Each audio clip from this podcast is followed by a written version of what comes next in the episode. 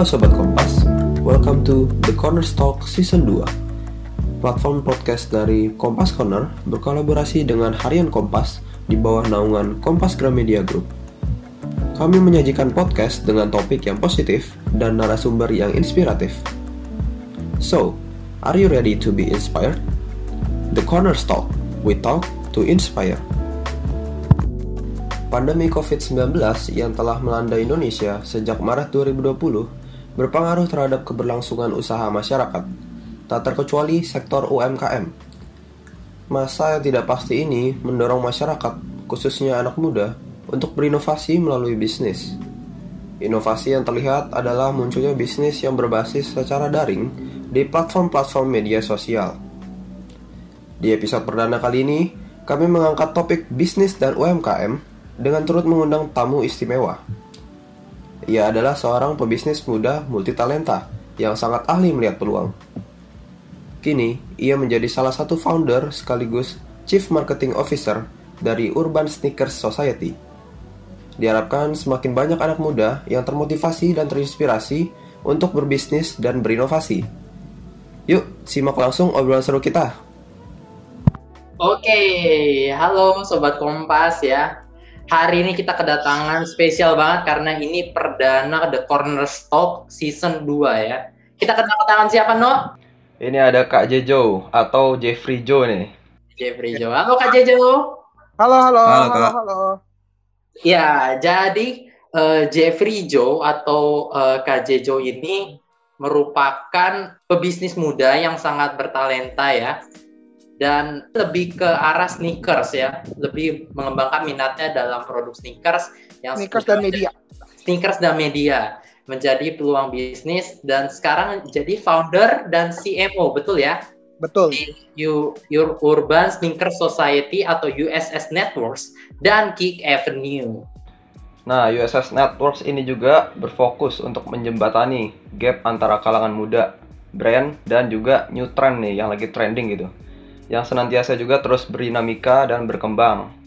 USS Networks ini juga mencakup banyak nih, ada mulai Urban Sneaker Society yang menghubungkan para sneaker dan streetwear enthusiast, ada juga multi platform media yang produce konten seputar latest trends yaitu USS Fit. Eh, ada local fest ini yang harusnya teman-teman sobat Kompas ini udah pada tahu ya karena ini boom banget nih tahun lalu. Ada juga Creative Studio The Buriau ya kayak. Ada juga ya masih banyak lagi lah. Eh, aku sebutin nggak habis-habis sih. Eh, nggak habis sampai situ, Kak Jejo ini juga turut mengembangkan Kick Avenue, eh, yang ini adalah marketplace sneakers eh, secara daring pertama di Indonesia dengan beragam produk yang tentunya menarik dan eh, dinanti-nantikan oleh para entusias nih. Bisnis yang ditekuni Kak Jejo ini tentunya melalui banyak lika-liku perjalanan yang bisa juga jadi inspirasi buat Sobat Kompas dan untuk kita semua yang mau mulai berbisnis. Untuk Kak Jejo nih sebenarnya aku penasaran banget sih dari sebelum mau podcast ya aku udah penasaran banget. Emang bisnis sneakers ini kan berbeda nih berbeda banget. Apa emang hobi sneakers atau memang dulu tuh suka koleksi sneakers? Gimana Kak Jejo? Oke, aku dari awal itu emang starting as a hobby dulu gitu. Jadi waktu aku kuliah di Amerika, eh, waktu di Seattle, di Edmonds, em, tahun 2009 kayaknya 910 ya, around that. Em, aku udah pindah ke Amerika dan waktu di Amerika itu aku suka ngeliat orang-orang kenapa ya di Amerika ya itu kalau ada sneaker rilis pada ngantri. Aku tuh sempat bingung kayak apa ini wajar apa ini cuma di Amerika doang? Eh lama-lama aku kayak ngikutin ngikutin ngikutin ternyata yang aku pelajarin adalah em, di sneakers itu mereka punya resale value di mana waktu ada sneakers yang bagus sneakers yang edisi khusus lah edisi limited itu punya something yang bisa di resell jadi ada aftermarket price-nya. Dan ketika itu di Indonesia nggak ada yang kayak segitunya lah. Maksudnya di Indonesia malah kalau waktu itu tahun 2010 itu lebih kayak gayanya boots kayaknya pakai em, cuka segala macam. Dan maksudnya sneakers itu belum sebesar sekarang. Dan waktu aku balik for good ke kam- em, dari Amerika ke Indonesia aku udah mulai kayak bawa sneakers kan kayak gitu-gitu. Eh ternyata peminatnya mulai bertumbuh dan pas waktu lagi kencang-kencangnya di tahun 2016 aku decide oh ya udahlah apakah bisa dijadiin event ya? Akhirnya aku jadikan event. Gitu. Berarti eh, dulu waktu habis eh, pulang dari Amerika, habis kuliah, itu ke Indo ternyata sadar bahwa uh, tren sneaker ini di sini banyak peminat juga, juga gitu ya. Um, peminatnya waktu itu sih mulai kayak um, di saat itu pemu, um, peminatnya sih masih ada tapi masih nggak segitu banyak. Aku ingat banget waktu pertama kali Indonesia mendapatkan um, Yeezy di tahun 2015 I think itu nggak itu nggak rame itu bener-bener kayak uh, orang tinggal daftar ambil aja gitu dan dan ketika itu aku kayak wah ini padahal di Amerika tuh kayak orang gila banget gitu. Dan nah, aku ngerasa tapi udah mulai ada tractionnya. Jadi kayak istilahnya Indonesia kamu tahu sendiri lah lumayan latah kan waktu itu kan.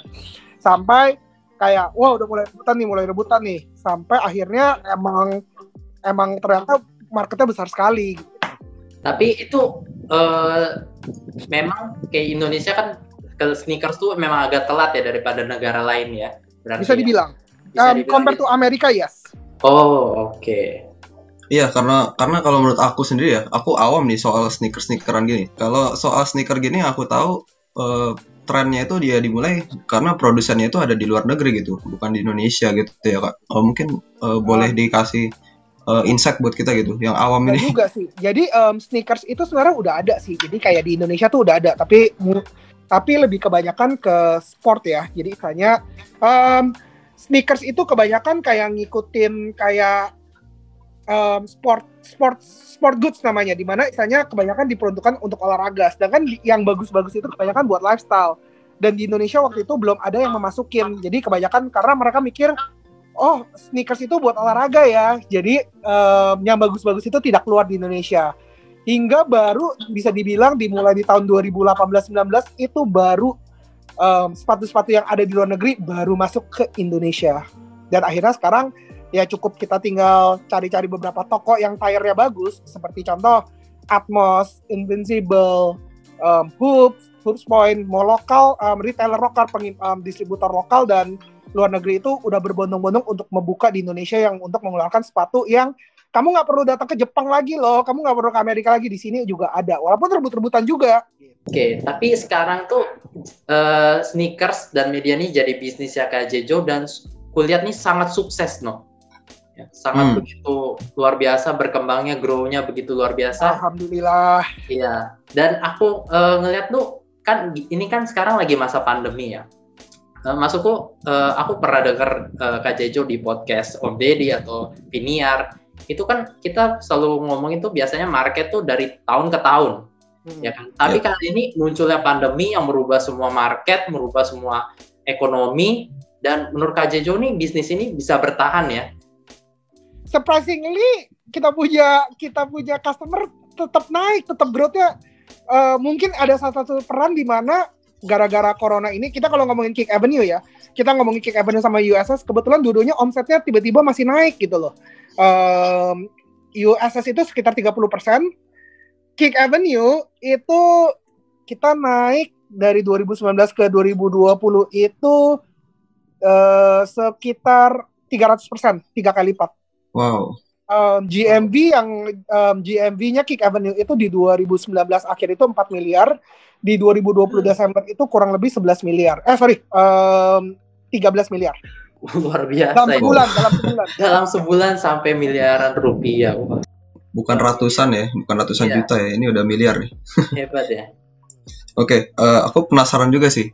Uh, Pak Jejo ini terkenalnya seputar sneakers, tapi ini kita lihat Pak Jejo udah siap banget nih dengan apa nih sebutnya nih, jacket atau coach atau apa di aku awam banget kak boleh di, diceritain nih ini apa gitu fashion.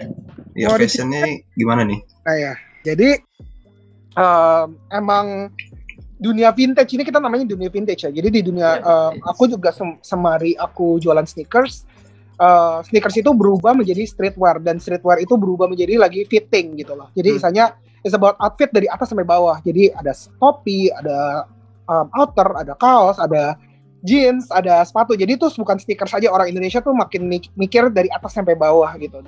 Dan salah satu yang paling berkembang adalah dunia vintage atau thrifting kan. Dan ini emang gue lagi ngeliat kayaknya yang lagi mulai naik down adalah uh, varsity jacket yang aku pakai. Varsity itu ada adalah kaos-kaos istilahnya um, letterman ya. Itu yang perpaduan antara wool, ini wool dan kulit. Jadi mostly gue kumpulin, jadi kayak waktu harganya kayak istilahnya main saham aja. Gue kumpulin waktu lagi murah, begitu gue tahu nih momennya waktu lagi ini harganya jadi mahal. Jadi yang tadi tadi jaket-jaket yang gue kumpulin itu mungkin harganya kayak waktu di Desember baru 300 400 ribu dan sekarang ini orang-orang pada mau beli dengan harga 4 jutaan. jadi it's all about um, kayak um, struktur ekonomi di mana buying on low and sell it on high gitu. Oke, ya eh, yang aku mau nanya sih masih itu sih tentang pandemi ini apakah memang mempengaruhi secara bisnis dan secara aktivitas kakak itu mempengaruhi gak? Sangat sangat banget, maksudnya um, in good and bad, bad way ya. Jadi istilahnya Oh, oke. um, USS itu bisa dibilang event organizer. Kita um, bikin event dan ketika pandemi terjadi sampai sekarang aku nggak ada pemasukan. Tidak ada pemasukan dari event offline. Tapi gimana kita harus muter otak? Gunakan dong jadi media, gunakan dong kita jadi agency, gunakan dong kita jadi cari-cari um, media um, game online atau kayak gimana, um, jadi event online atau kayak gimana ya. Itu yang harusnya kita gunakan dan um, thanks God, puji Tuhan, um, kita punya omset yang istilahnya um, di enam bulan pertama kita tidak ada omset sekali um, sama sekali hingga akhirnya di tahun 2020 itu omset kita 30 persen lebih tinggi dibandingkan 2019 yang notabene-nya kita bisa bikin event lima kali gitu.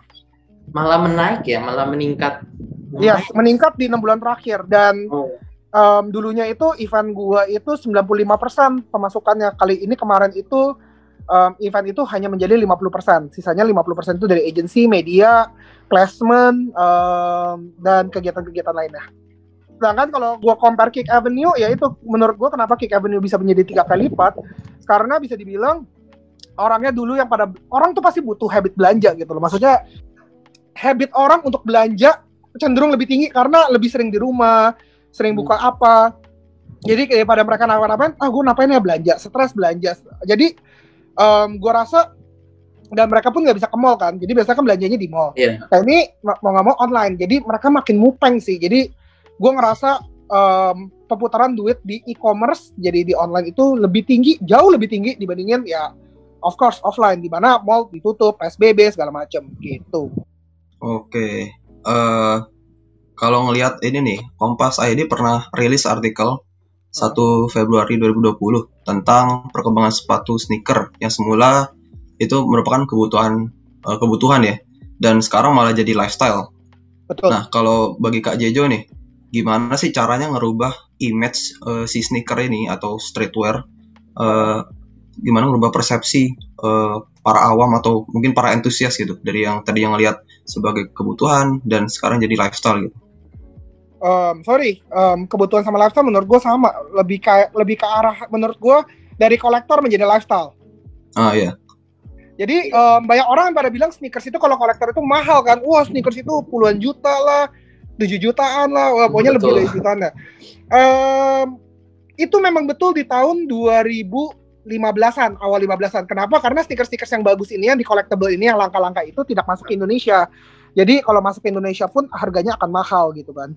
Em, dan di situ ada ke- ada potensi di mana ya ya udah kalau gue mau cari duit ya gue beli di Amerika lebih murah dijual di Indonesia lebih mahal prinsipnya itu dan sekarang dengan em, orang lebih kayak pasti nggak semua orang mampu untuk beli yang collector items di mana sneakers ini ada fungsi lainnya. Dari investasi kenyamanan desain.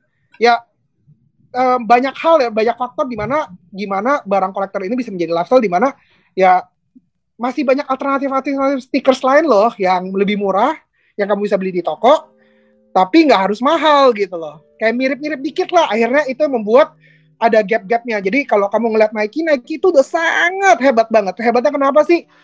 Kamu pakai Nike bisa pakai kondangan bisa. Bisa pakai fashion show bisa. Bisa pakai olahraga bisa. Bisa pakai ke mall bisa. Karena Nike itu udah punya tingkat-tingkatnya. Jadi ada Nike yang emang mahal banget ada Nike yang biasa aja ada Nike yang murah banget ada Nike yang diskonan banget. Jadi Nike itu memposisikan dirinya all brands yang bisa masuk em, ke seluruh lini kehidupan manusia.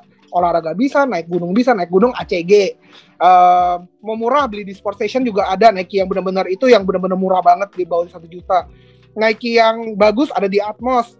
Nike yang buat sehari-hari bisa ada di Nike Giordano. Jadi em, mereka udah punya segmentationnya masing-masing gitu loh. Dan menurut gue itu keren banget. Oke, uh, selama berbisnis di Kick Avenue atau USS ini kan berarti di Indonesia nih ya. Ada nggak, uh, ini pada 20, 12 November 2019 dari Kompas nih pernah merilis artikel ya hmm.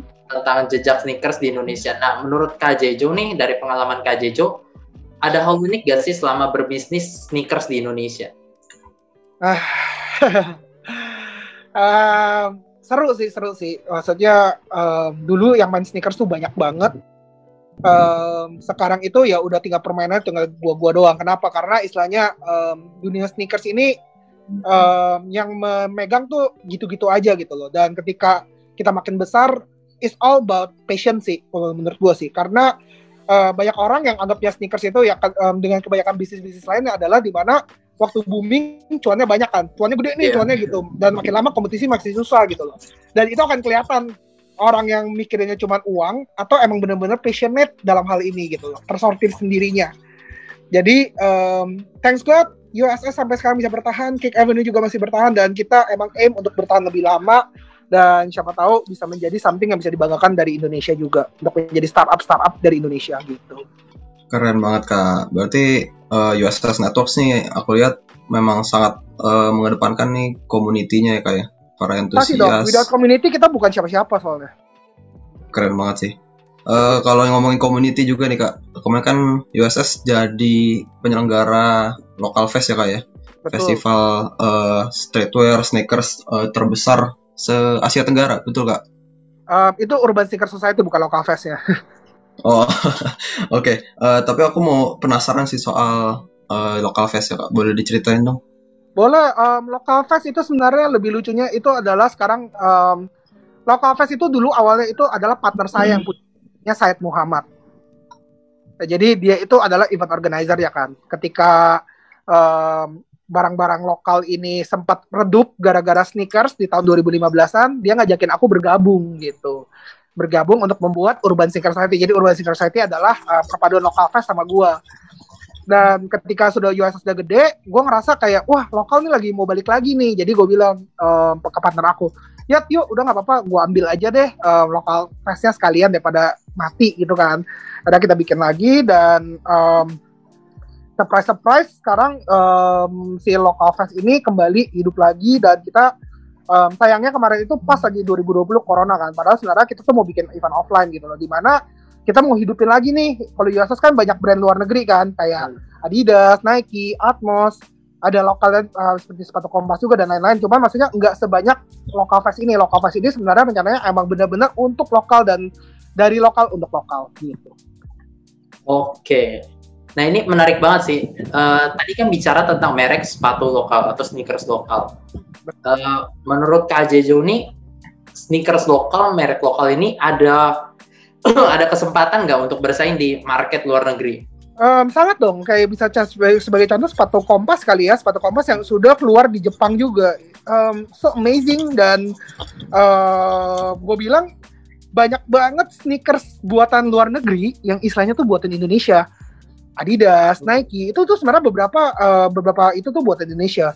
Tapi sayangnya brand-brand kita ini masih kurang dalam dalam tipikal branding dan marketing dan itu sebenarnya sangat dibutuhkan untuk next level. Tapi secara quality sepatu Indonesia tuh sangat bisa bersaing, apalagi dengan urusan harga ya, gitu. Jadi sangat besar banget ya potensinya ya.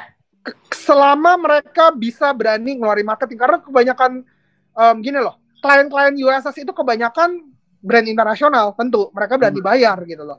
Tapi pun kita pun ngebantu uh, brand-brand lokal untuk yaudah kalau mau promosi di USS nggak usah bayar, kita mau support kok itu supportnya kita gitu loh. Tapi ketika kita support itu dengan tidak bayar, kita juga butuh curation um, iklannya dong.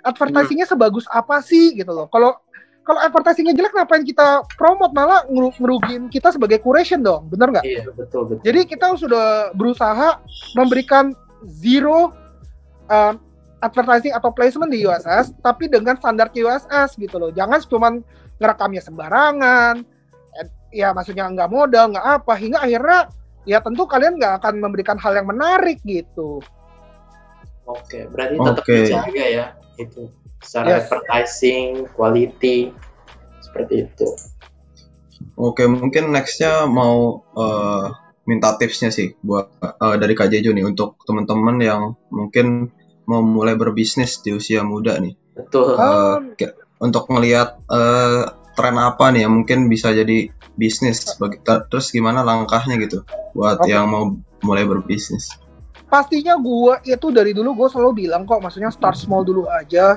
tapi commit start small and commit start small and commit gitu loh maksudnya uh, gue selalu selalu ngingetin gue apalagi sekarang gitu gue bukan bekerja untuk uang gitu loh gue bekerja untuk bikin ini besar. Dan ketika kalian mulai berpikir uang itu menjadi prioritas kalian yang utama itu akan menjadi susah menurut gua gitu loh. Karena um, kalian udah mikir-mikir uangnya dulu deh uangnya dulu berapa uangnya dulu berapa. Kerja dulu action dulu buktikan dulu um, apa kasih portfolio yang bagus. Jangan apa-apa bayaran gue berapa uang gue berapa untung gue berapa. Buat anak-anak muda bener-bener deh menurut gue experience portfolio dan itu yang akan ngebangun buat kalian makin besar makin besar. Semakin kerjaan kalian makin banyak, semakin experience kalian makin banyak, semakin portfolio kalian makin lebar, itu uang akan datang belakangan. Dan don't worry, proses itu nggak akan mengkhianati loh gitu. Gerakan kamu semuanya tuh yang kamu udah jalanin itu nggak bakal ngianatin diri kamu sendiri dan hasilnya pasti akan terlihat. Itu aja sih dari gua. Oke, ini menarik banget ya No ya. Biasanya menarik, kita menarik mencari cuan atau untuk ini malah lebih ke passion ya berarti ya. Uh, ya, bisa bisa nanya Bu Teres juga sih selama ini um, kita, kita pun selalu berdiskusi kita nggak pernah ngomongin uang dulu sih. Uang hmm. itu belakangan yang paling penting apa yang bisa kita berikan dan apa yang Kompas bisa berikan terhadap USS sehingga kita punya sinergi sih. Ketika uang itu udah dieliminasi semakin mudah um, ketemunya visi misinya kita tuh apa gitu loh. Karena USS selalu percaya um, uang bukanlah jalan yang paling pertama. Kayak tadi gue bilang kan maksudnya kita mau bantu brand lokal loh. Kita hmm. nggak kenain biaya untuk ngiklan di brand lokal tersebut gitu loh. Tapi ya kita balik lagi dengan itu kita punya bargain value. Kalau brand lokal udah bayar kita dan itu kita nggak re-upload dia punya iklan yang jelek gitu. Gue yang salah dong. Wah yeah. kan gue udah bayar lu. Nah kita nggak udah nggak usah. Tapi kita ngeliat iklan kamu bagus nggak? Ketika iklan kamu itu worth it gue bakal masukin kok. gitu emang sneakersnya bagus kita masukin kok tapi kalau sneakersnya jelek sneakersnya jelek advertisingnya asal-asalan mau duit seberapa banyak pun nggak bakal kita loloskan itu aja dan yuk ingat Yosas hanya mau bekerja sama dengan brand yang terbaik termasuk Kompas Oke. Okay. Keren banget, keren banget. Iya, keren banget. Jadi ingat dulu selalu di dalam hati kalian selama kalian mau bekerja, kalian mau apa? Iya kayak baik lagi sekarang kalian lagi kerja di Kompas, kalian lagi cari pengalaman. Jangan pikirin uangnya dulu. Kalau orang tua saya selalu bilangin nih ke saya, orang tua saya nih, orang tua saya selalu bilangin. Jangan ngomong apa yang bisa kamu dapetin dari keluarga, dari orang tua kan maksudnya. Jangan selalu ngomong yeah. orang tua bisa kasih apa, orang tua bisa kasih apa. Tapi dibalik apa yang bisa kamu berikan terhadap keluarga kamu atau terhadap perusahaan kamu. Perusahaan yang kamu sedang bekerja. Di balik pola pikirnya. Kalau kamu udah ngerasa, misalnya kayak saya nih, emang saya bisa kasih apa kalau saya digantikan orang lain kalau masih bisa, ya udah saya berarti tidak memberikan kontribusi apa-apa. Tapi ketika saya bisa memberikan kontribusi yang sangat besar ke suatu perusahaan, perusahaan itu pasti tidak akan melepaskan kalian. Ngerti kan? Iya, iya. Jadi kasih tahu dulu apa kontribusi kalian terhadap perusahaan kalian atau keluarga kalian. Sip. Mantap okay. banget tuh pesannya tuh. Yeah. Buat sobat Kompas. Mungkin aku mau nanya satu pertanyaan lagi ya Kak Jejo. USS ini kan community based dan untuk community itu sendiri pasti kan butuh kepercayaan ya Kak ya. Butuh trust gitu. Nah, gimana sih caranya supaya para antusias ini para penyuka sneakers dan streetwear dan lain-lainnya itu bisa trust gitu sama USS. It's all about curation. Di mana kalau kurasi kamu masih ngasal, di mana kamu mentingin uang, di mana kamu mentingin diri kamu sendiri, itu nggak bisa jalan. Community itu from community to community. Jadi nggak um, ada tuh yang untung cuma satu orang, untung itu mesti benar-benar dibagi rata gimana kamu mesti ngegedein bener-bener sama-sama rata gitu loh. Dan um, kita pun juga waktu bilang ini sepatu bagus loh. Loh emang kamu dibayar atau enggak? Gitu. Kan saya jadi pertanyaan itu kan. Jadi makanya kalau bilang advertising di USS itu akan mementingkan produknya desainnya materialnya dibandingin wah USS dibayar tuh nggak bakal ada deh.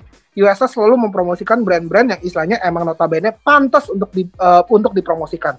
Hingga akhirnya komunitas itu akan mempunyai trust sendiri. Oke. Oke, nih kalau misalnya aku boleh ambil kesimpulan ya atau di conclude uh, kalau menurut aku aku dapetin banget di mana kita harus sebagai anak muda atau sebagai sobat kompas mungkin yang mau menjadi uh, pembisnis itu uh, mulai dari hal yang kecil ya mencari experience portofolio duitnya kamnya nanti datang uh, belakangan. Iya ya sama aja bener dong. Kita kan hidup ini kan berjalan nih misalnya kalau kamu baru baru lulus kuliah emang kamu udah ngerti apa gitu loh. Beda sama orang yang udah kerja 10 tahun 30 tahun uh, mereka punya experience-nya mereka udah punya field-nya dan ya ya istilahnya kayak gini deh semakin apa kalau kata pepatah Indonesia semakin penuh padi kan akan merunduk kan semakin merunduk kan. Jadi ya kalau emang kamu banyak pengalaman akan terbuktikan kok maksudnya. Kecuali ya kamu jenius aja gitu loh. Tapi ya semakin aku juga berumur semakin aku juga belajar ya semakin aku kayak enggak emosian enggak enggak apa ya istilahnya oh iya nih masih banyak orang-orang yang lebih pinter lebih lebih tua gitu loh. Gue kepengen selalu terbuka untuk belajar belajar dan belajar. Dan kadang belajar itu nggak harus dari sekolah belajar itu belajar dari pengalaman. Dan itu yang paling penting. Oke. Ya. Uh, kan hari ini hari pers ya kak Jejo ya. Mungkin yes. boleh sampaikan untuk ucapan hari pers kepada sobat Kompas.